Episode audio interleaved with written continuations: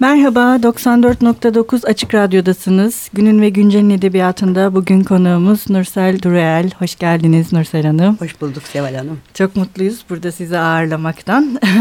Nursel Dureel 1941'de Şarkı Karaağaç'ta doğdu. İstanbul Kız Lisesi'ni, İstanbul Üniversitesi Edebiyat Fakültesi Arkeoloji bölümünü bitirdi. 1965'te TRT'nin ilk prodüktör kadrosunda yer aldı. Başta edebiyat, sanat olmak üzere çeşitli alanlarda radyo programları hazırladı. Reklam yazarlığı, televizyon yazarlığı, ansiklopedi yazarlığı, BRT Radyosu'nda müdür yardımcılığı yaptı. İlk öyküsü 1979'da Türk dilinde çıktı. Geyikler Annem ve Almanya ile 1981 Akademik Kitabı ve Öykü Ödülünü ve 1983 Sait Faik Hikaye Armağanını, Yazılı Kaya'da yer alan Burgaç adlı öyküsüyle de 1990 Yunus Nadi yayımlanmamış öykü ödülünü aldı. TRT İstanbul Radyosu'nda dış yapımcı olarak hazırladığı Yayın Dünyası adlı kitap tanıtma programı 1994'ten beri yayımlanıyordu ama bitti. Evet, evet yani 2008'de bitti. 2008'de maalesef. evet, kalmış 2008. öylece yazılı olarak. Evet burada güncelledik. Nerede e, rastlarsam söylüyorum. 2008'de bitti. Çünkü 2008'de torunum doğdu. Ah ne güzel. Ve e, o başka bir şehirde yaşıyorlar onlar. Hı hı. E, gidip geliyorum. E, böyle periyodik bir şey yapmak artık mümkün değildi. Evet. Ee, biz e, Nursel Hanım'ın e, eserleri Geyikler Annem Almanya ve Yazılı Kaya üzerine konuşacağız bugün ama her iki eser üzerinde ayrı ayrı durmaktan ziyade Nursel Hanım'ın e, edebiyatının e, genel ve karakteristik özelliklerinden konuşmayı planladık. E, sizinle konuşmuştuk daha önce de yani ses ve evet. özellikle ses makati hikayenizde yer alan mesela sesi bellek yapmaya çalışmak. Hı hı. Bu beni çok etkilemişti. Evet. Bu ses ve hani sesin bellek halini alması sizin edebiyatınızda e, benim ilk göze çarpan unsurlar olarak gördüğüm şeylerden birisi ki herhalde yalnız değilim bu konuda. Değilsiniz.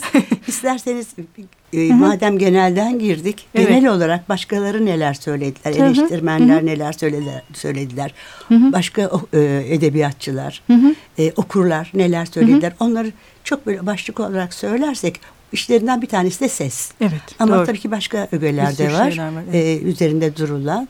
E, yani tekrar burada belki konuşma fırsatımız da olabilir. Hı hı. Mesela e, şiirsellik. Evet çok şiirsel. E, en son e, hı hı. Varlık dergisinde Haydar Ergülen hı hı. E, yazmış. Evet. Hatta e, beni e, çok da etkileyen bir başlık kullanmış Nursel Durayel'in poetikası diye. Evet. Yani bu gerçekten şiiri olan çok hı hı. sevgim, yakınlığım, e, e, öykülerinde de belki şiirsel hı hı. olan at, o atmosfer. Tabii ki Haydar Ergülen bir şair olarak onu fevkalade güzel değerlendirmiş. Bunun gibi e, bir takım ögeler. Mesela zaman siz ses evet. üzerinde duruyorsunuz. Ses üzerinde duran başkaları da var. E, zaman, e, rüyalar, tabii ki e, kişilerin, kahramanların iç dünyaları ama onların toplumsal konumlarından koparmadan toplum yapıları içerisinde ele almak gibi hı hı. E, bir takım özellikler e, ortaklaşa söylenen hı hı. özellikler. Bir de dil e, Tabii şeyi hı hı. E, dil konusundaki titizlik. Hı hı. Bir de ben, ben e, yani sizin edebiyatınızda şunu çok etkileyici buluyorum. E, yani bu dil, e, zaman, işte toplumsal konumlar, insanların kendi ruh halleri, bunların konumlanması, dille ilişkisi ve e, bunun böyle bir epik bir anlatı gibi olması. Yani epik derken hani zamansız bir e, devinim, akışkanlık. Orada her şey böyle sanki bize çağlar öncesinden bugüne ve geleceğe doğru uzanan ve o şiirsellikle epik e, çok acayip bir birleşime e, giriyor sizin eserlerinizde ve ben bunu çok etkileyici buluyorum kendi adıma ve bu hani sanırım yapması çok da kolay bir şey olmasa gerek. Ee, teşekkür ederim saptamanız için. Şöyle bir şey tabii ki epik dediğimiz zaman e, e, birincil sözlü kültürden söz etmiş Hı-hı. oluyoruz. Hı hı. E, şu anda ikinci sözlü kültürde yaşıyoruz ama ben aynı zamanda bir yazın e, yani yazıyla evet. E, hı hı. yazının egemenliğinde de e, yaşamış hayatımın esas en önemli bölümünü o, e, o zaman diliminde geçirmiş hı hı. bir insanım. Ama e, eğer öyle bir epik şey görüyorsanız e, hı hı.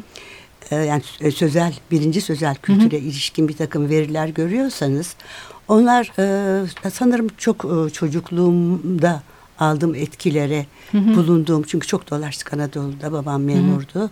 ve e, çok küçük e, yerlerde de bulunduk kırsal hı hı. alanlarda da bulunduk e, oralarda aldığım e, oralarda tanıdığım insanların e, hı hı. etkileridir bende kalmış izleridir ve elbette okuduğum e, halk şiirinin çok hı hı. çok çocukluğumda hı hı. özellikle ilk gençliğimde çok fazla halk edebiyatı, hı hı. halk şiiri okudum.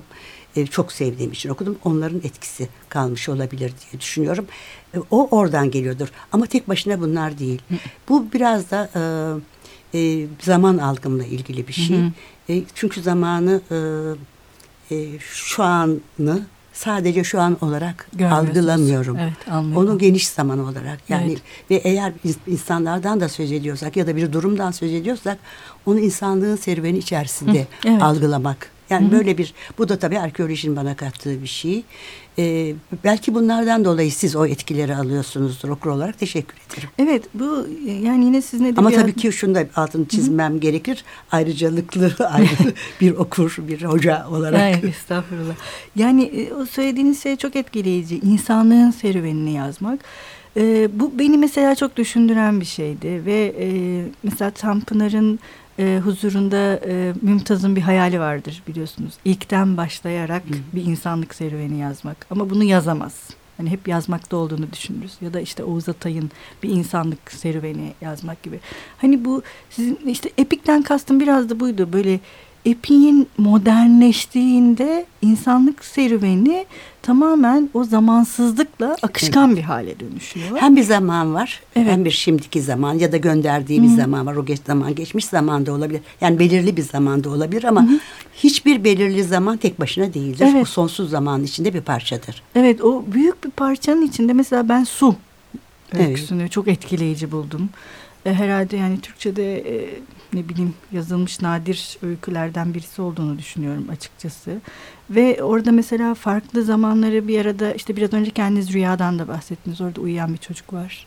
Bir uyku hali bir de uyanıklığa geçiş. Uyanıklıkta geçiş ve ama bu şey değil hani evet biz mesela okur olurken okur olarak da o e, zamanın ve geçişlerin bu şekilde kullanılması bizi de şeye sokuyor. Yani o öykün içine sokuyor. Sanki biz de onun bir parçası haline dönüşebiliyoruz. En azından ben öyle hissettim okurken kendimi. Çok sevindirici. Evet ve bu şey gibi hani tam da e, epik e, şeye dönüşüyormuş gibi geldi orada bana hani.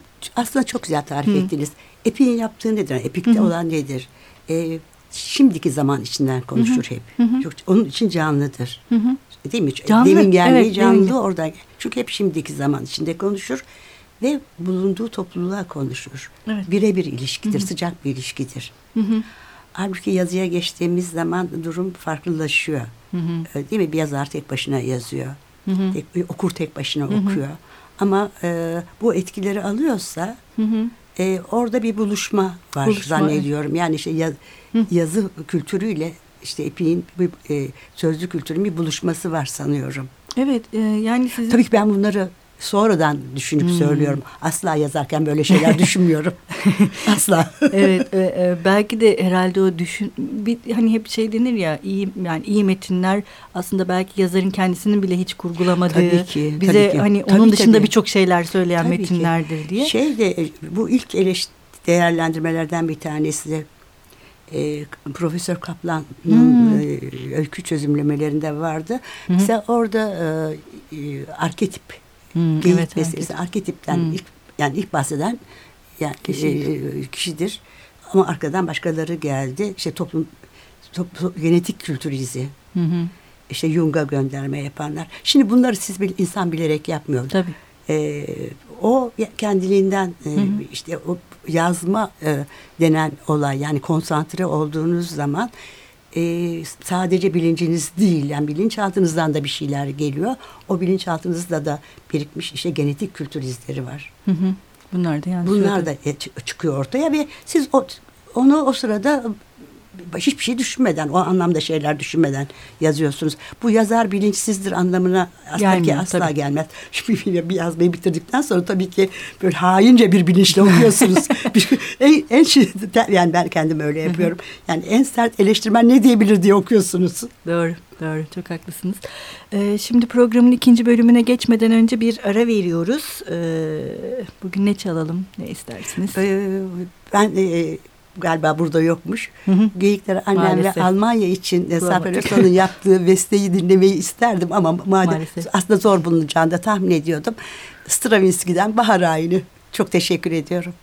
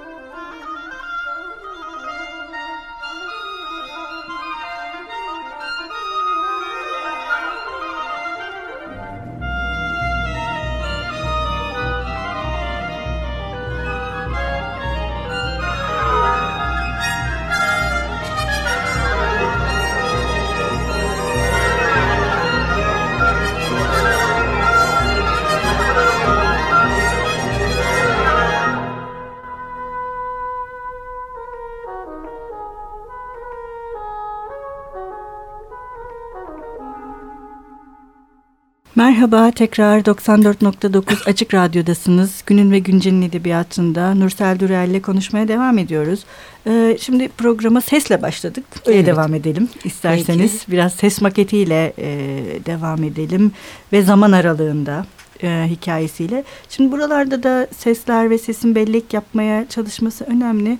Ee, biraz bu hani bellek de önemli. Tabii ses ki. Tabii olduğunda. Ki. Ve hani o belleğin sesle ilişkisi e, sizin işte edebiyatınızda da e, ayrıca önemli gibi geliyor bana. Ee, konuşmamızın ilk yarısında da zaten Hı. söz ettik değil mi? İşte birinci e, sözlü kültür, ikinci evet. sözlü kültür, e, yazılı kültür. Bütün bunlardan söz ettik. Bunların hepsi tabii ki e, bellekle ilgili. E, insan yazıyı belleğinin zafiyetine karşı evet. önlem olarak zaten buldu. Hı hı. Ee, tabii ki ses uçucu, sesin karakteri e, diğer e, duyu organlarımızdan farklı çalışıyor. Se, e, e, hı hı. Seslenmemiz. Evet. Yani bütün vücudumuzda biz bir ses çıkartıyoruz. Doğada her şeyin bir sesi var. Sabit duran taşın bile eğer kırılırsa bir sesi var. Değil mi? Hı. Rüzgar eserse, çarparsa bir sesi var. Her şeyin bir sesi var. Ses son derece önemli ve hayatımızı en çok kuşatan e, olgulardan bir tanesi ve sürekli kendimiz zaten ses çıkartıyoruz.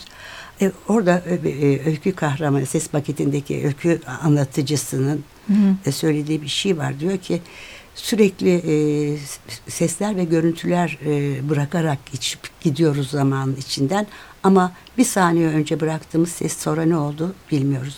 Bu, ilgilenmiyoruz onunla. E, bu biraz yani şeyi bellek bellekle ilgili bir şey. Hı hı. Yani daha doğrusu belleğin zafiyetine karşı duyulan e, hayıflanma. E, biz hep şu anda sizin yaptığınızda kaydetme, kaydetmek istiyoruz. Kaybolmasın istiyoruz çünkü. Hı. Ve yaptığımız şeyler bir bellek oluştursun. Topluca bir bellek oluştursun ve onlar sonraki kuşaklara, sonraki kuşaklara aktarılabilsin istiyoruz. Bu insanın en doğal isteği, temel dürtülerinden bir tanesi. Çünkü sadece insanlığın da aynı zamanda uzaya ne gönderdik? Hı hı. Bir şey gönderdik değil mi? E, nerede duruyordu o? E, kuz, uzaya gönderilmek üzere. Yörüngede.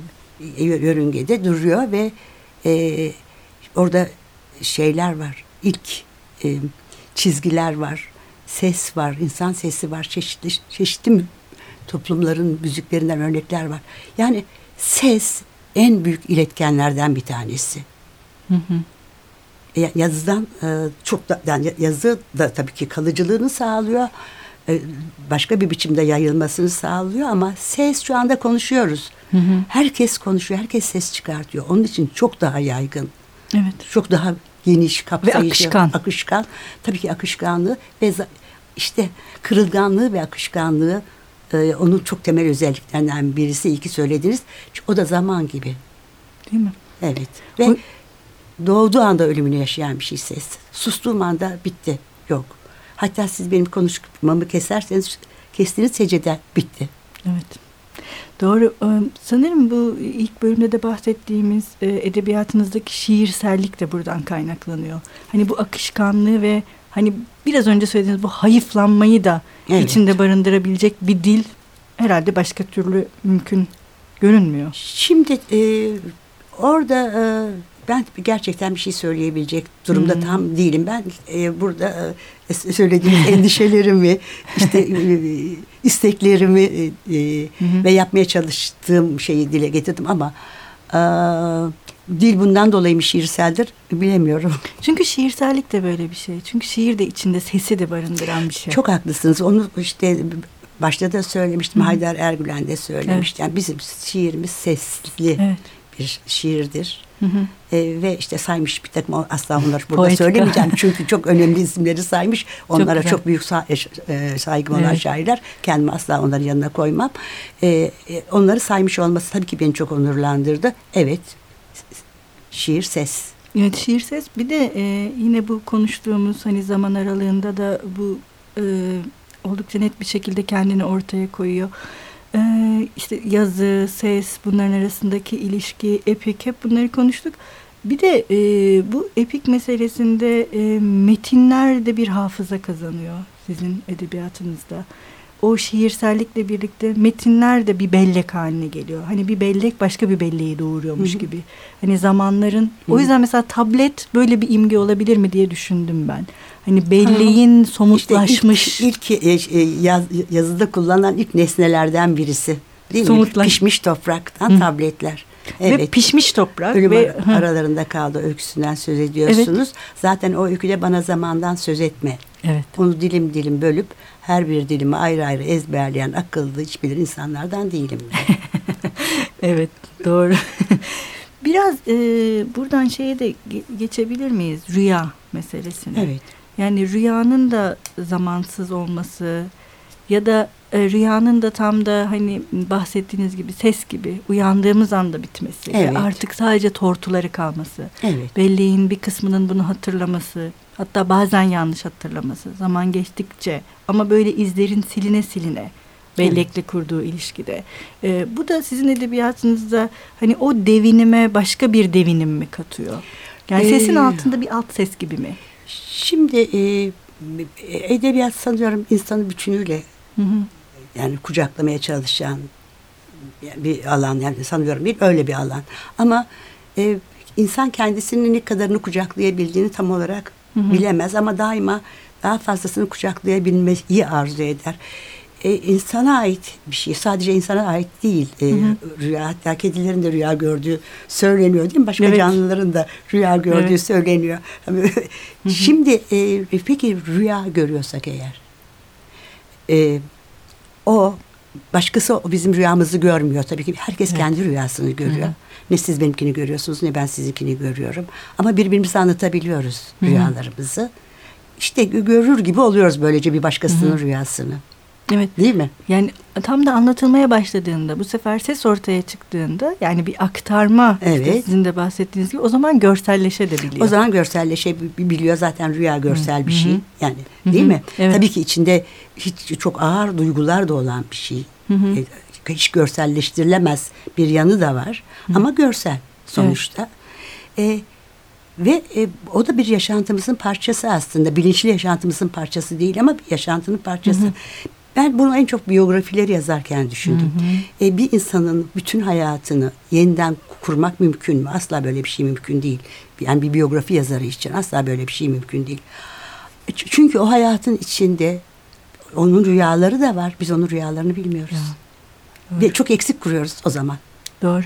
Doğru. Çok haklısınız. Yani ben ya, ulaş insanın e, insana ait olan her şeye daha fazla daha fazla ulaşma arzusu taşıyorum bütün yazarlar gibi. Doğru. Biraz e, programın sonuna yaklaşıyoruz. E, kahramanlarınızdan hı hı. da isterseniz yine bu bağlamda e, bahsedelim. E, kahramanlarınız da e, iç sesleri, e, iç seslerini dışarıya doğru çıkarmaktan ve bunların yankılanmasından hoşlanan kahramanlar ya da öyle yaşıyorlar gibi geliyor bana. Yine hani sizinle konuşmuştuk daha öncesinde. Duymak, görmek, işitmek, dinlemek. Evet. Sizin kahramanlarınız bunların hepsine aynı anda yükleniyorlar. Hı hı. Evet şimdi e, yazmak ne? Hı hı. Yani yazmak e, sessiz bir eylem değil hı hı. mi? Oturuyorsunuz yazıyorsunuz ama sonuçta sessiz değil. Çünkü söylediğiniz söz e, ok, yani okurun zihninde sese dönüşüyor. Hı hı. E, ya böylece hem içinize doğru konuşmuş oluyorsunuz yazarken hem dışınıza doğru konuşmuş oluyorsunuz. Hı hı. E, ne söyleyebilirim? Yani iki, iki taraflı bir söyle hı hı. söylem gelişmiş oluyor. Yani söylem gelişmiyor. Hayır. Yani kendinize de konuşuyorsunuz. Ha, evet, kendinize de, de konuşuyorsunuz. Okur, okur içinde konuşmuş. Evet. Okura doğru da konuşuyorsunuz. Ama mesela kahramanlarınız sizin çok yönlü konuşuyorlar. Sadece kendi içlerine ve dışarıya doğru değil de hani biraz önce konuştuğumuz gibi hani biyografi yazarken rüyalarını bilmiyoruz dediğiniz evet. gibi. Ama biz o kahramanların bütün duyma hallerini görüyoruz hissetmelerini, duymalarını ve bunun evet. da bir bütünlük içinde olduğunu. Yani tıpkı o epikteki şimdi, akışkanlık gibi. Evet, şimdi şöyle değil mi? E, yazmak hep öyle tanımlanır bir yandan da. E, biz bir tek hayat yaşıyoruz. Hı hı. Başka bir hayat yaşama olanağımız yok. Ama yazarken ve okurken tabii aynı hı hı. zamanda bir başka hayat yaşayabiliyoruz. Hı hı. Herhalde bu bununla bağlantılı bir şey.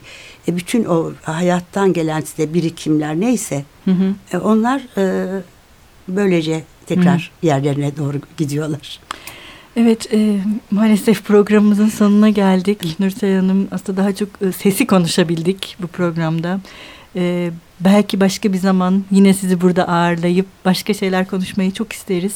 Çok teşekkürler. Çok teşekkürler geldiğiniz ve burada bizimle ben çok olduğunuz teşekkür için. Ediyorum. Ee, biz programımızın sonunda dinleyicilerimiz ve işte okurlarınız için e, bir bölümle veda ediyoruz. Bugün neyle veda etmek istersiniz siz? Ne okuyalım? Ses maketinden bir bölüm okuyorum. Ee, bu odayı nasıl tanımlayacağımı bilemiyorum. Çevrenizdekilere söyleyin lütfen. Uygun bir ad, bir tanım bulan çıkarsa kendisine bu paha biçilmez anahtar için buradaki seslerden istediğini bağışlayabilirim. Daha doğrusu bağışlayabilirdim. Biri dışında. Bu Dante'nin ilahi komedyasından küçücük bir pasajın sese dönüşmüş halidir.'' Kimsenin böyle eşsiz bir hazinesi olmamıştır. Hiçbir çocuk, hiçbir bahçede böylesi bir bollukla karşılaşmamıştır. Hiçbir laboratuvar bu ölçüde çekici olmamıştır. Biliyordum. Ben burada geçiciydim. Önemli olan böyle bir yerin varlığıydı. Buraya gelenleri bir bilseydiniz. İçeriye her giren kendindeki baldan bir parça bırakırdı. Zehir, egzoz, safra bırakanlar da az değildi. Benim sevgili seslerim onları süpürüverirlerdi. Ah evet, pek tarafsız değilim hazinemdeki seslere karşı. Sıkılmıyorsunuz değil mi? Ben tutsağı oldum bu odanın özgürlüğünü sığdıramadım ciğerlerime, beynime.